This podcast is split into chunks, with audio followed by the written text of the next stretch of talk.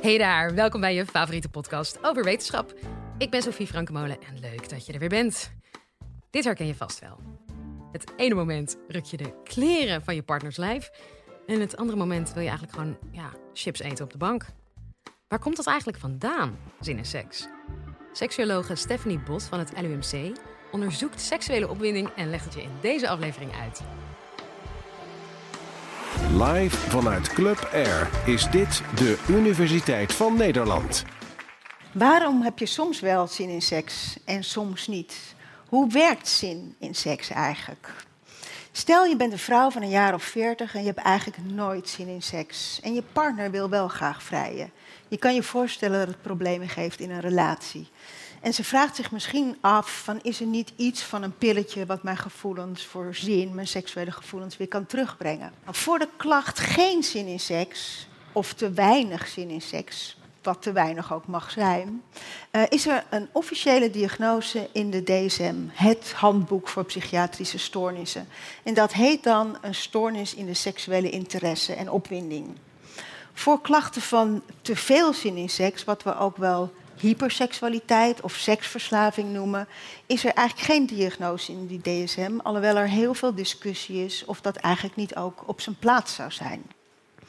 Nou, het cliché is dat mannen altijd zin hebben in seks en vrouwen veel minder. Vrouwen hebben eigenlijk meer belangstelling voor chocola, schoenen kopen, dat soort dingen. Maar is dat zo? Is dat nou waar? Nou, misschien een beetje. Als je kijkt naar de onderzoeksgegevens, dan blijkt dat mannen wel vaker zin in seks rapporteren, vaker seksueel fantaseren, vaker masturberen. En als het gaat om de klacht geen zin in seks, zijn het vaker vrouwen die dat rapporteren en minder vaak mannen. Terwijl klachten van hyperseksualiteit of seksverslaving weer naar verhouding meer bij mannen voorkomen.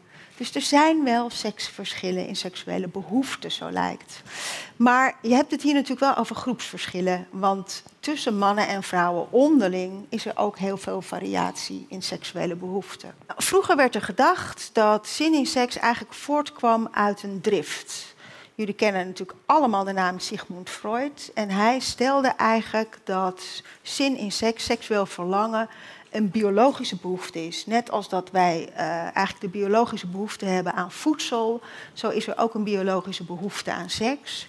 En net als een tekort aan voedsel leidt tot honger, zou een tekort aan seks leiden tot zin in seks. En hij noemde dat het libido.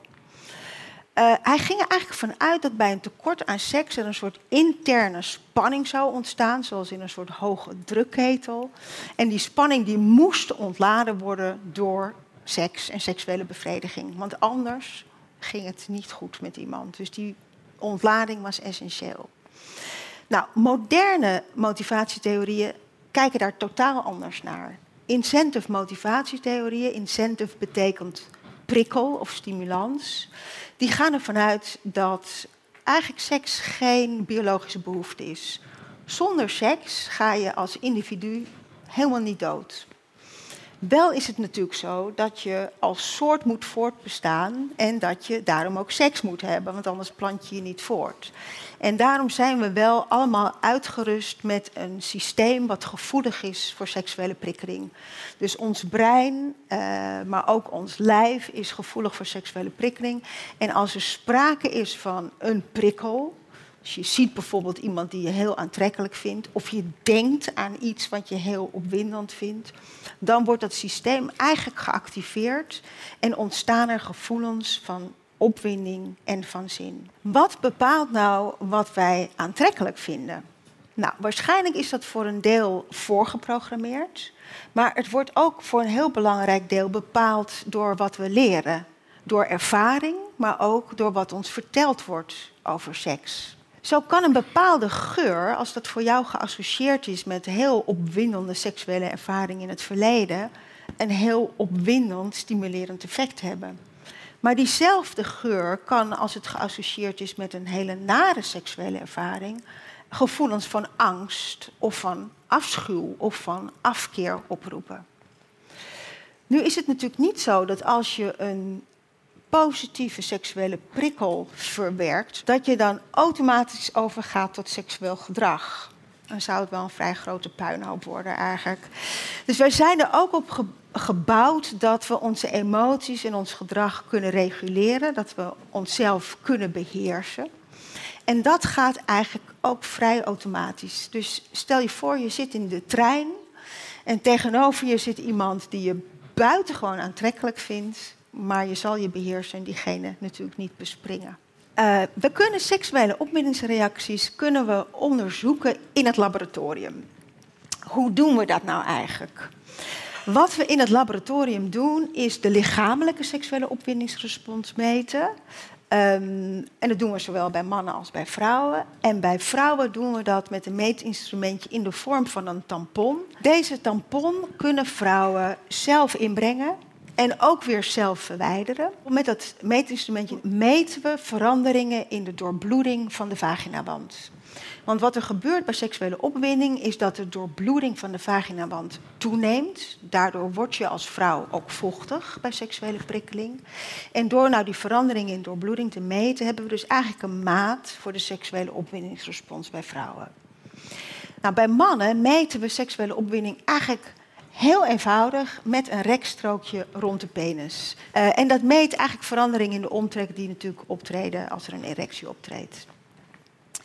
Nu zijn wij niet alleen maar geïnteresseerd in wat er in het lichaam gebeurt, we zijn ook geïnteresseerd in wat mensen ervaren, wat ze voelen. En daarom vragen we ze om in het lab ook aan te geven wat hun seksuele gevoelens zijn. Zo vragen we ze bijvoorbeeld om te scoren op een schaal van 1 tot 7, waarbij 1 is helemaal niet seksueel opgewonden en 7 heel sterk seksueel opgewonden. Meten we eigenlijk het niveau van hun ervaren seksuele opwinding. Ik ga iets vertellen over eigenlijk een heel eenvoudig experiment wat wij deden. Uh, en wat wij deden was eigenlijk gezonde mannen en vrouwen vragen om in het lab te komen. En zij kregen uh, een film te zien. En de helft kreeg een neutrale film te zien, een natuurfilmpje. En de andere helft kreeg een erotische film te zien, een pornofilmpje. En tijdens het kijken werden hun lichamelijke en hun geestelijke opwindingsreacties gemeten. Maar wat we ook deden was 24 uur nadat ze dat filmpje hadden bekeken in het lab, kregen ze een vragenlijst van ons en moesten zij invullen hoe seksueel actief ze waren geweest in die 24 uur daartussen. Natuurlijk zagen we dat de opwindingsreacties, zowel lichamelijk als geestelijk, sterker waren bij de mensen die de pornofilm keken in vergelijking met de natuurfilmkijkers. Maar wat we ook zagen was dat zowel bij mannen als vrouwen de seksuele activiteit met een partner of solo door zelfbevrediging sterker was geweest, was vaker seksuele activiteit geweest na het kijken van het erotische filmpje. Dus dat betekent dat het kijken naar iets wat seksueel prikkelend is, visueel erotisch materiaal, dat leidt tot seksuele opwinding, maar dat zet dus ook aan tot seksueel gedrag. Hoe je kijkt of hoe vaak je een filmpje ziet, maakt dat eigenlijk uit. Ook dat onderzochten we. En dit keer in een experiment waarbij we um, mannen en vrouwen 18 keer hetzelfde hele korte filmpje lieten zien, seksfilmpje. En na die 18 keer kregen ze een nieuw filmpje te zien. En daarna weer het oude. En wij vroegen een deel van de proefpersonen om tijdens het kijken um, zich helemaal in te leven terwijl ze naar het filmpje keken. Dus zich voor te stellen dat ze eigenlijk deelnemer waren in die scène. En zich ook te concentreren op wat ze dan allemaal zouden voelen. En een ander deel van de proefpersonen vroegen we om eigenlijk meer een soort afstandelijke manier van kijken aan te nemen. En zich voor te stellen dat ze de regisseur waren. En dat ze moesten kijken of de filmset goed was en of er goed geacteerd werd. En een ander deel van de proefpersonen gaven we eigenlijk alleen maar de instructie kijk met aandacht naar deze filmpjes. Nou, wat vonden we? Steeds hetzelfde filmpje leidt tot een daling in gevoelens van opwinding. Aanbieden van iets nieuws leidt tot een forse toename. En wat je ziet is dat als mensen zich helemaal inleven, dan is, zijn de gevoelens van opwinding sterker dan als ze zich afstandelijk opstellen.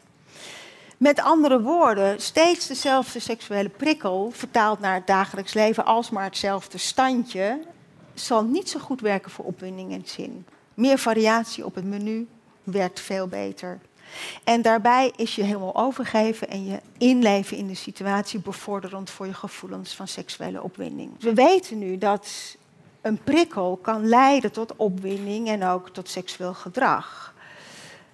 Als die tenminste niet te saai is en als je focus goed is. Maar kunnen we ook ingrijpen in de gevoeligheid van het seksuele systeem waar ik het ook over had?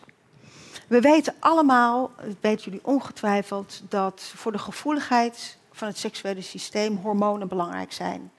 Testosteron bijvoorbeeld is belangrijk om seksueel te kunnen reageren. Als testosteronniveaus echt heel laag zijn, dan heeft dat een negatief effect op opwinding en op zin. We weten ook steeds meer dat allerlei neurotransmitters, eigenlijk signaalstoffen in het brein, van invloed zijn op de seksuele respons. Zo onderzochten wij bijvoorbeeld het effect van dopamine op de seksuele respons.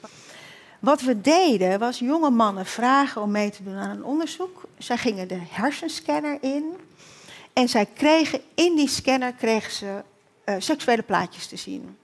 Maar we lieten ze die plaatjes zo zien dat ze ze niet bewust konden waarnemen.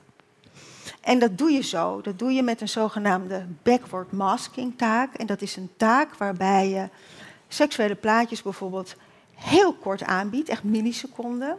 En direct laat volgen door een neutraal plaatje. Nou, deze mannen kregen, voor ze de scanner ingingen, kregen ze allemaal een pil. Een deel van de mannen kreeg een pil waar levodopa in zit. Dat is een middel wat dopamine in het brein verhoogt.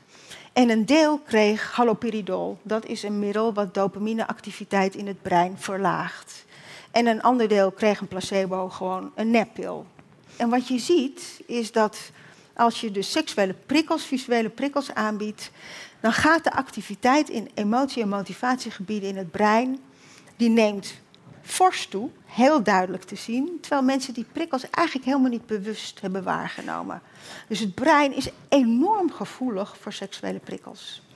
Wat we ook zagen was dat die activiteit hoger was als mannen levodopa hadden geslikt en verzwakt was als ze haloperidol hadden gekregen. Dan kan je denken, nou dat is allemaal leuk, maar wat hebben we nou eigenlijk aan die kennis, aan deze gegevens?